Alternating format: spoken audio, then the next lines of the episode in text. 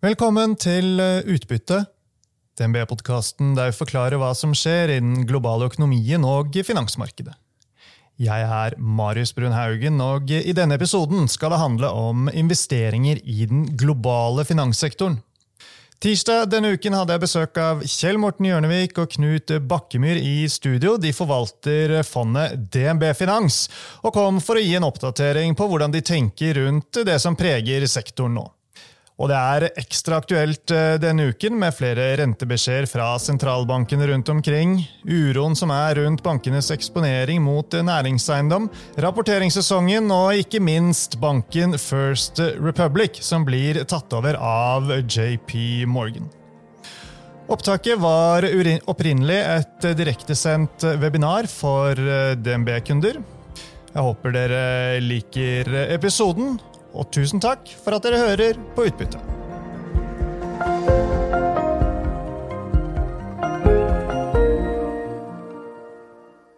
Det er nok av spennende ting å snakke om i dag. Vi har eh, amerikanske banker som eh, går over ende. Det kommer eh, masse rentemøter denne uken, bare for å nevne noe. Vi må starte med det liksom mest nære, Kjell Morten. Altså, I løpet av helgen amerikanske myndigheter jobbet for å finne kjøpere til banken First Republic. Og før uh, åpning i det amerikanske markedet i går, 1. mai, når det var fri her uh, hjemme, så ble det klart at uh, JP Morgan de overtar banken. Så hva er vurderingen dere har gjort dere rundt dette her? Det var ikke overraskende, verken for oss eller for markedet. Denne banken har slitt litt siden tumultene i tidlig mars. Og First Republic har mye av de samme kjennetegnene som de bankene som tidligere har kollapset. Og Amerikanske myndigheter håpet jo da at denne banken selv skulle finne løsning på utfordringene sine, enten ved å få inn nye investorer eller selge banken totalt sett. Men da kvartalstallene kom mandag forrige uke, Eh, så ble det klart at det ble vanskelig. Det skjønte både markedet og, og myndighetene. Eh, det som var kjent da når de kom med tall, var at de eh, hadde mistet mer enn 60 av innskuddene sine fra, fra årsskiftet. Og hvis man tok markedsverdi på eiendelene deres, så var egenkapitalen borte. Som du da innledet med, så overtok JP Morgan banken. Og dette virker som en god deal for JP Morgan. JP Morgan var en av de bedre amerikanske bankene i går. Mm og steg med ca. 2% og Det som også er viktig her, at uh, leder for JP Morgan han var vel ute og sa at uh, han tror at dette her markerer uh, at usikkerheten blir kraftig redusert da, rundt de store uttakene av innskudd når JP Morgan tar over denne banken. Og Det er vi også enig i.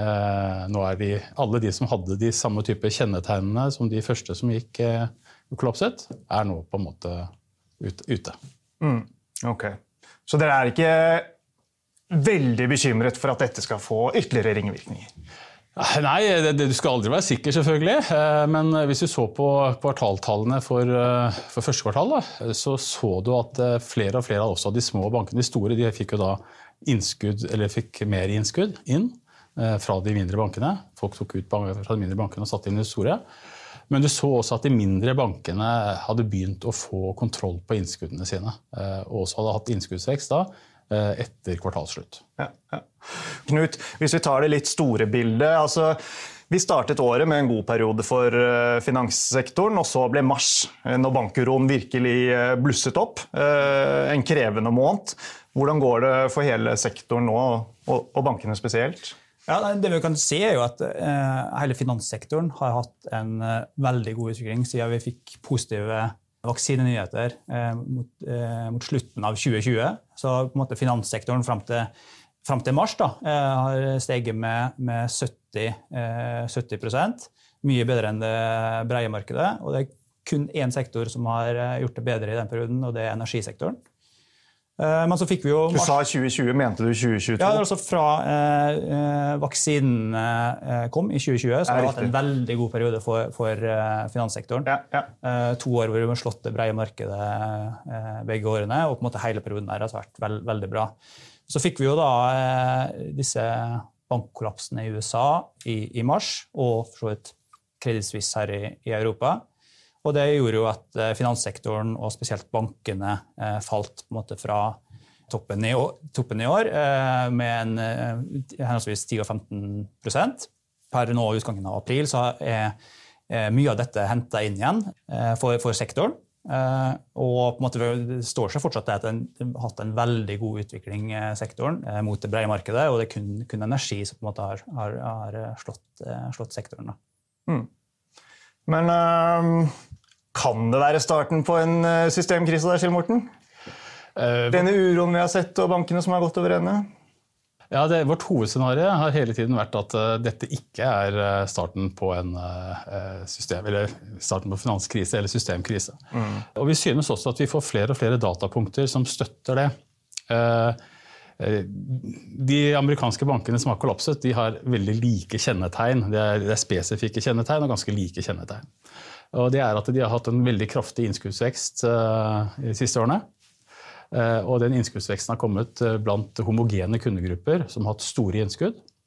Og I tillegg så har de hatt relativt svak risikostyring. Eh, de har ikke hatt helt kontroll på ja, renterisiko og andre typer risiko da, i, i, i, porteføljen sin.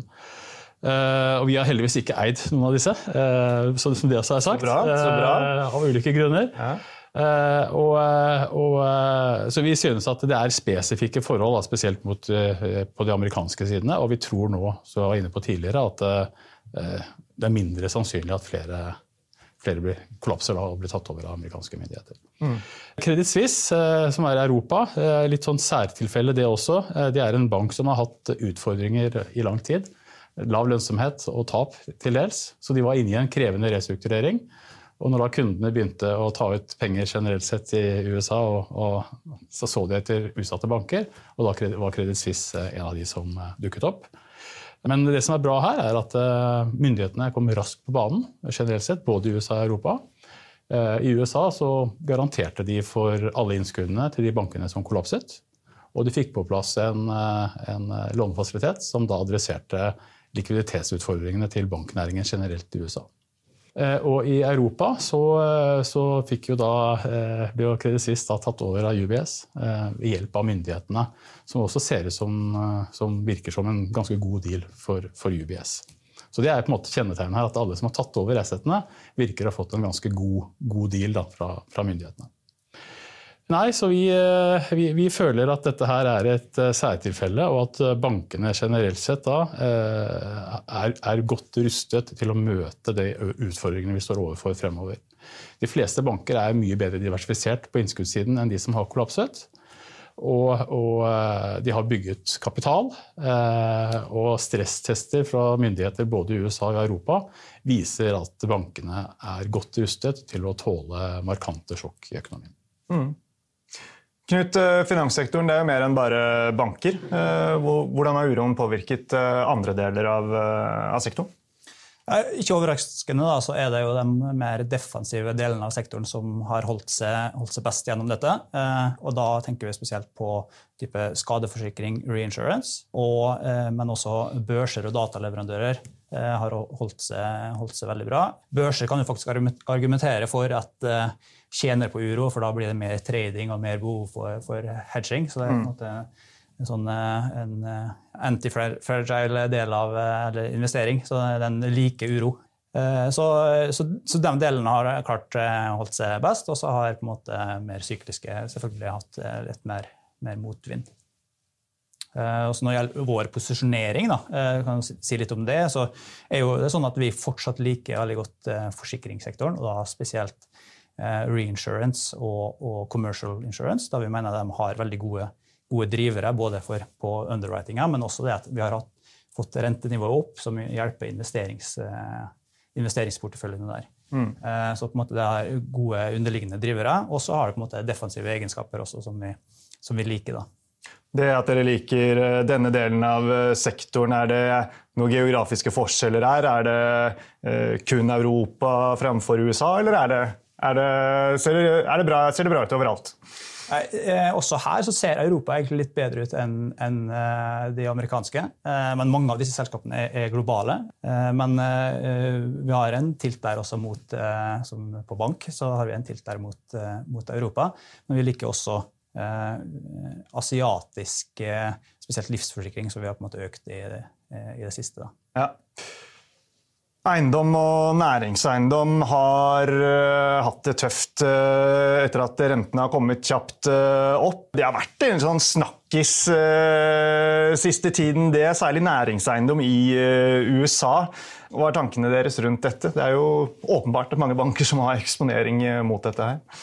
Ja, det, Du har rett i det. at det er, Under finanskrisen så var det jo boligmarkedet som var kreativ finansiering av boligmarkedet som var utløsende del.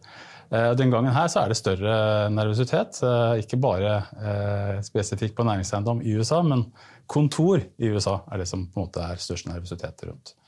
Og så er det ganske naturlig at bankene finansierer mye av, av næringseiendom i, i generelt sett. Og i hvert fall den delen da, som ikke har tilgang til obligasjonsmarkedet.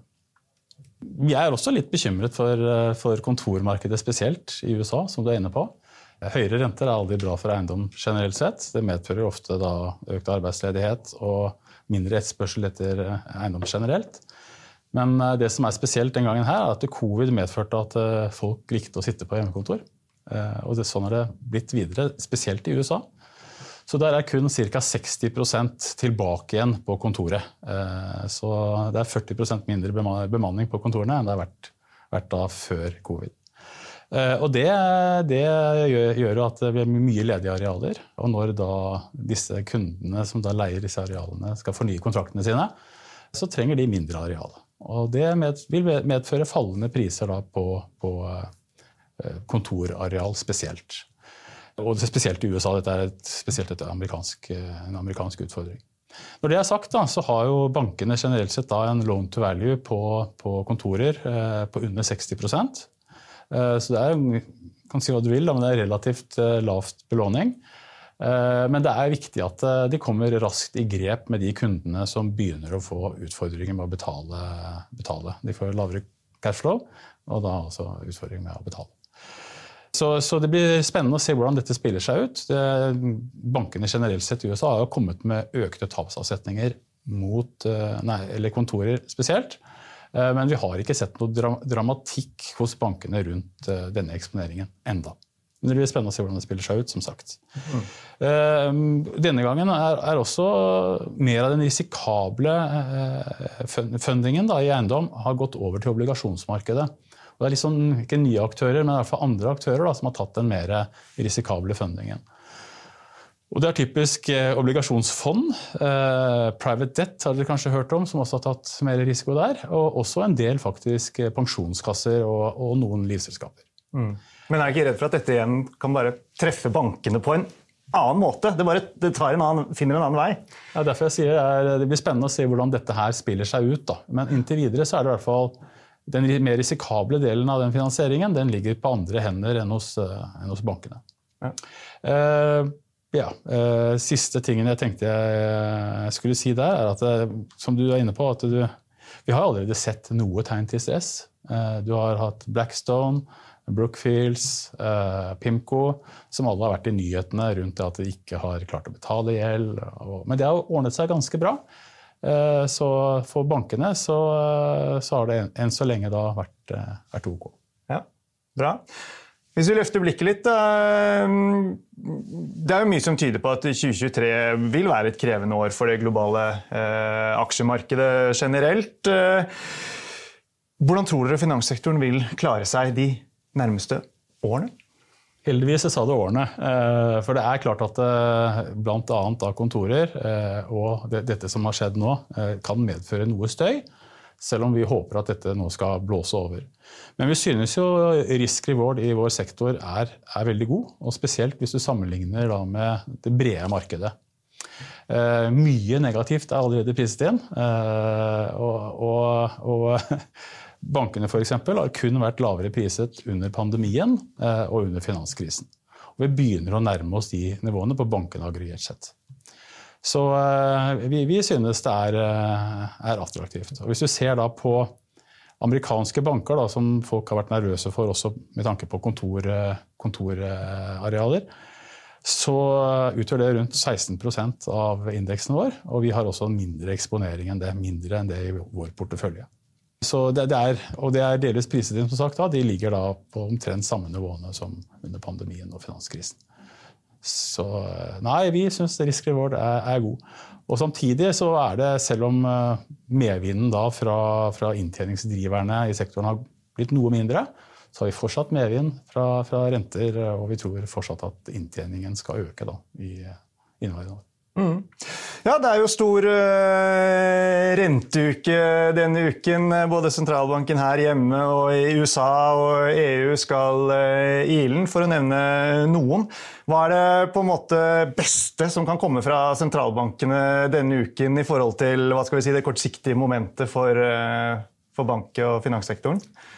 Forutsigbarhet er alltid det beste for denne sektoren. og Det er det også for markedet. Så, så det er nok forventet at, eh, at, sentralbankene skal gjøre noe.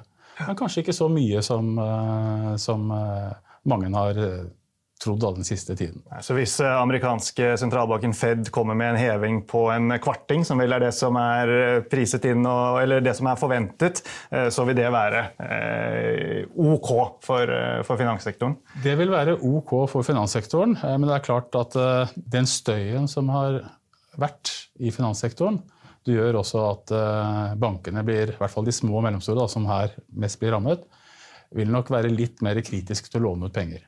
Så bare det at de blir litt mindre eh, villige til å låne ut penger, det gjør også at økonomien bremser raskere.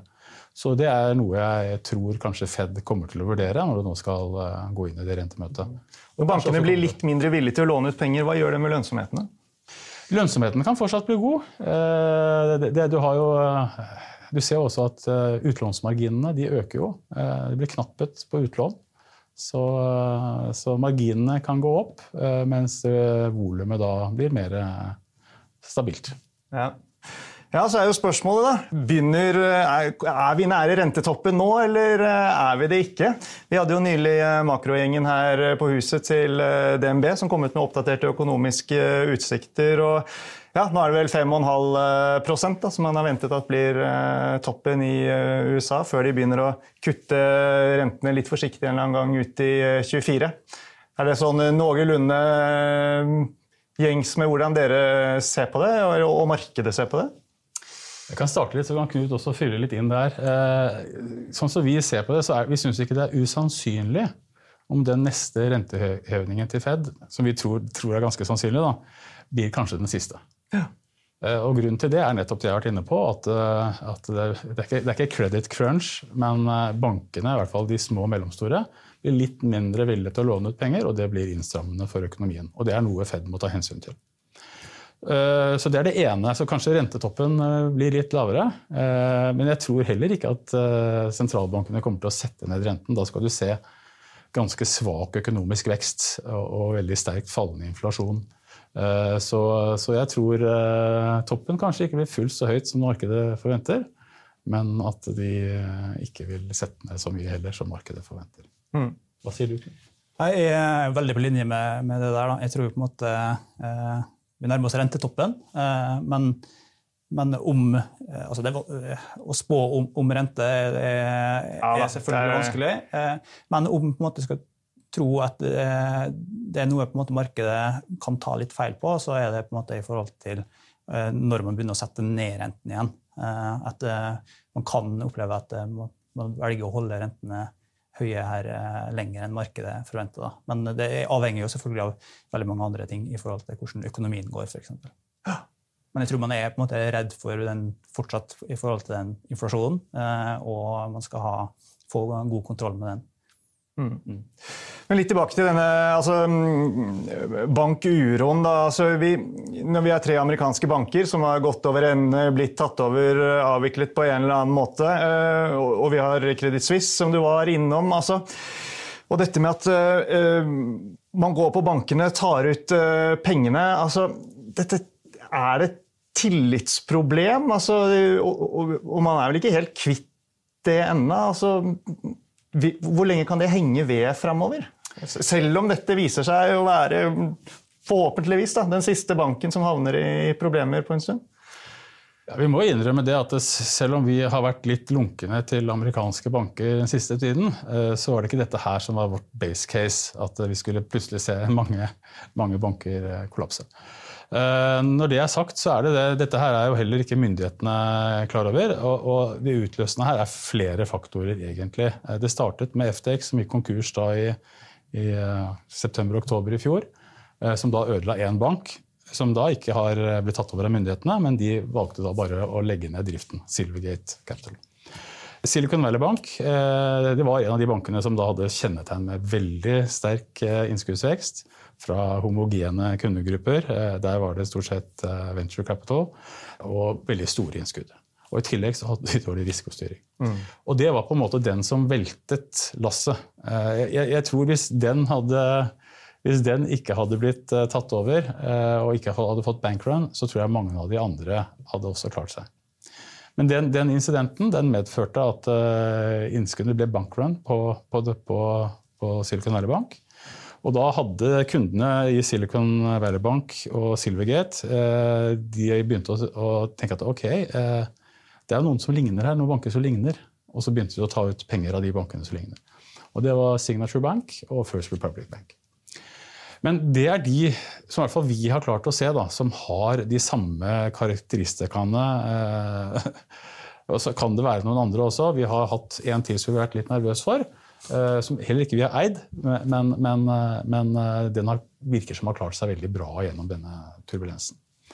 Og det er flere med oss som tror at dette her er på en måte Akkurat for dette, da, som handler om bankrum ta, og det å ta ut innskudd, så vil det selvfølgelig bli tatt ut innskudd, men ikke i den magnitud som du nå har sett i, i, i mars. Mm. Så vi tror dette her blåser litt over.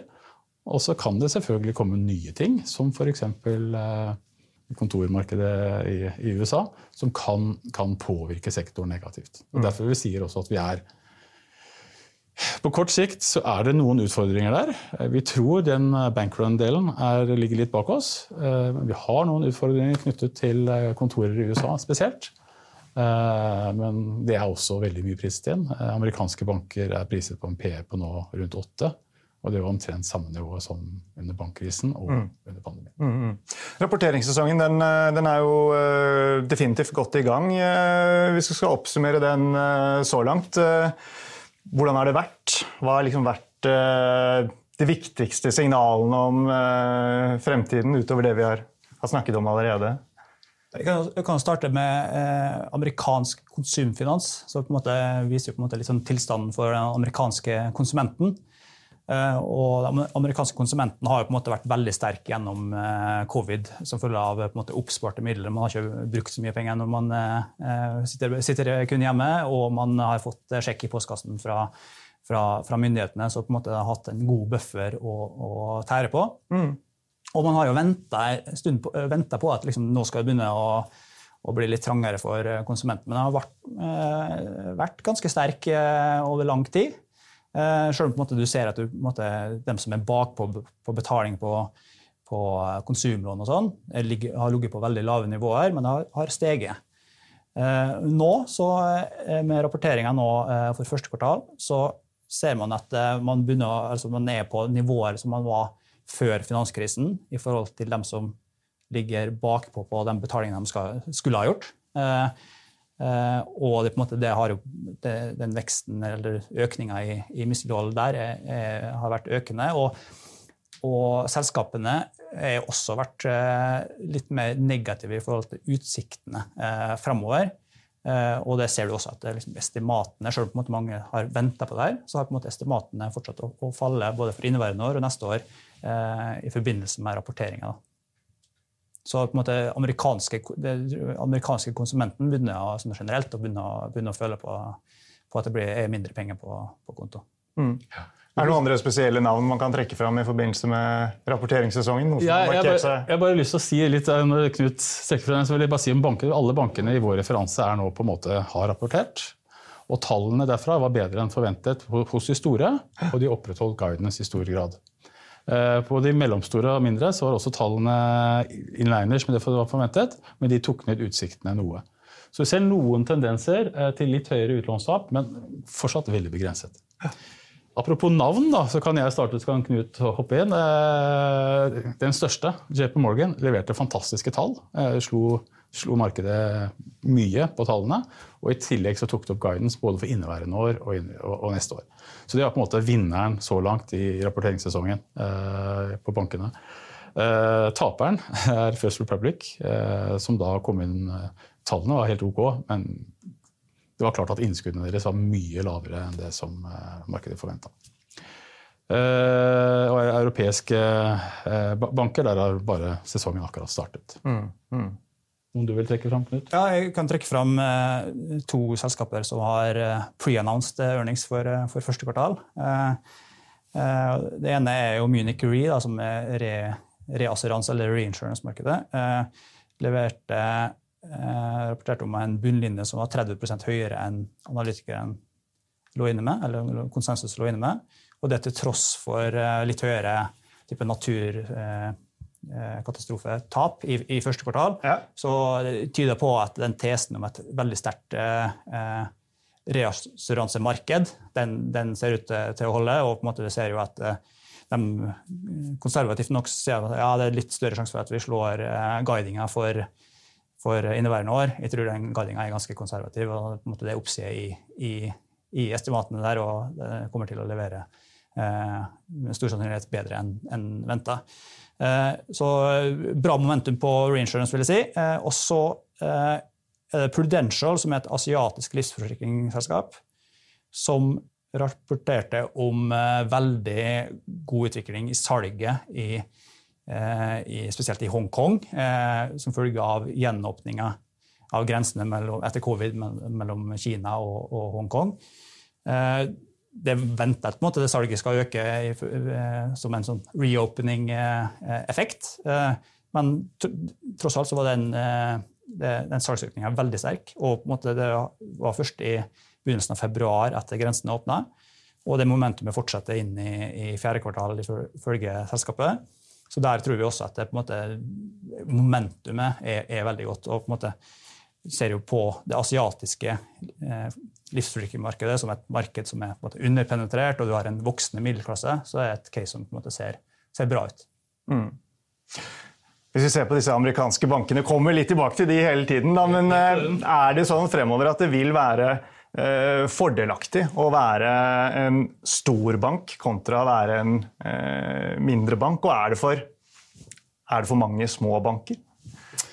Eh, når du tar opp det, så er jo på fredag Kan det bli mer konsolidering? Det kan det bli. På fredag så kom jo rapporten. Da, da gjorde jo da amerikanske myndigheter en vurdering av eh, hvordan de har håndtert eh, Silicon Valley Bank. Ja. Eh, og Der kom det en del konklusjoner. og En del av de konklusjonene går jo på at eh, de, var for mildt regulert. Så i, i, USA så har alle banker den samme reguleringen. I USA så har de store bankene hatt en streng regulering, mens de mindre bankene har hatt en gradvis mindre streng regulering.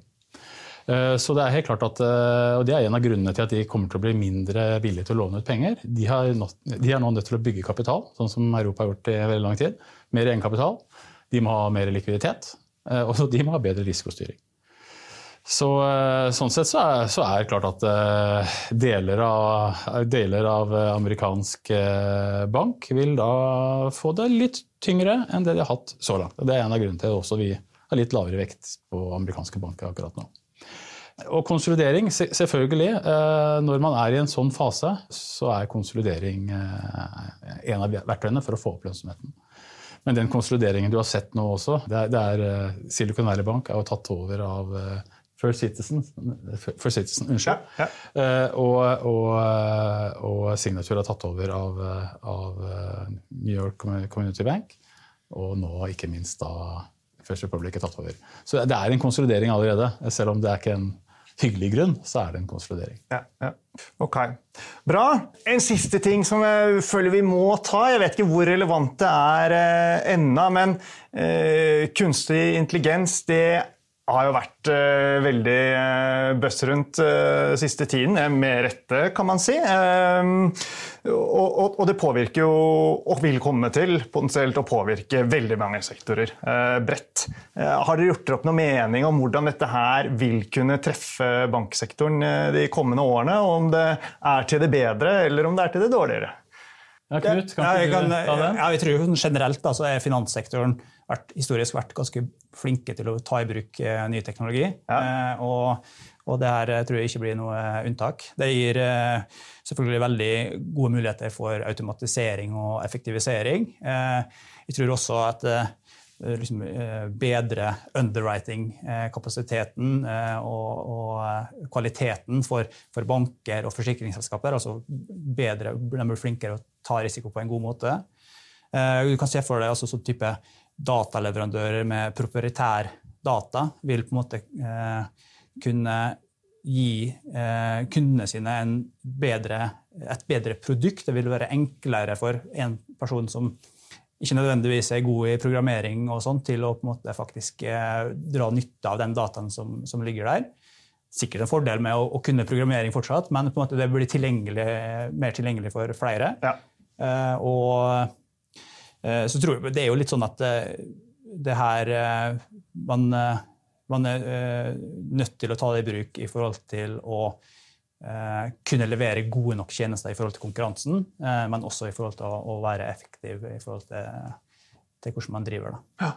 Så generelt eh, positivt for eh, finanssektoren. Og da blir det jo hvilke selskaper er eh, dyktigst da, på å ta disse eh, mulighetene som disse verktøyene og kunstig intelligensen gir, da, i bruk på en eh, best mulig måte. Er det de store, dominerende bankene f.eks., eller er det de eh, nye som, som, kommer, som vil ha fordelen av å være, starte helt på scratch? Da. Så det er ja, Det blir spennende å se. Eh, de som ikke tar det i bruk, de kommer i hvert fall til å sakke, sakte, sakke akterut. Eh, og, og, dette her er en eh, stor endring på lik linje med internett og online banking og mobile banking. Bra. Så det betyr at vi har kommet til veis ende for i dag. Så da får jeg bare si nok en gang tusen takk til dere begge for at dere var med. Og eh, sist, men ikke minst, eh, folkens, tusen takk til alle dere som fulgte med.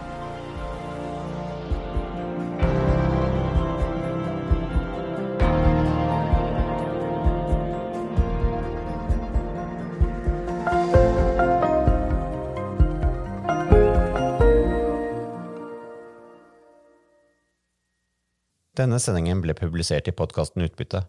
Innholdet i sendingen er å anse som markedsføringsmateriale fra DNB og er ment å være generell spareveiledning. Sendingen skal ikke oppfattes som et tilbud om å kjøpe eller selge finansielle instrumenter, eller som investeringsrådgivning tilpasset den enkelte investors situasjon. En investor som har behov for råd eller har spørsmål og informasjon som gis, bør kontakte en finansrådgiver. DNB påtar seg ikke noe ansvar verken for direkte eller indirekte tap som følge av innholdet i sendingen legges til grunn for eventuelle investeringsbeslutninger. Husk at historisk avkastning aldri er noe garanti for fremtidig avkastning. Avkastningen kan bli negativ som følge av kurstap. Bruk av prognoser for å beregne fremtidig avkastning er heller ingen garanti for fremtidig avkastning. Innholdet i sendingen bygger på informasjon fra offentlig tilgjengelige kilder som DNB ser på som pålitelige, men som ikke er uavhengig verifisert. Følgelig gir DNB ingen garanti i forhold til nøyaktighet og fullstendighet. Alle uttalelser her reflekterer DNBs, den enkelte ansatte, eller andre tredjeparts vurderinger på tidspunktet for den aktuelle sendingen, og kan i ettertid endres uten nærmere beskjed. Ytterligere informasjon om bl.a. kildebruk og interessekonflikter er tilgjengelig på dnb.no skråstrek invest disclaimer.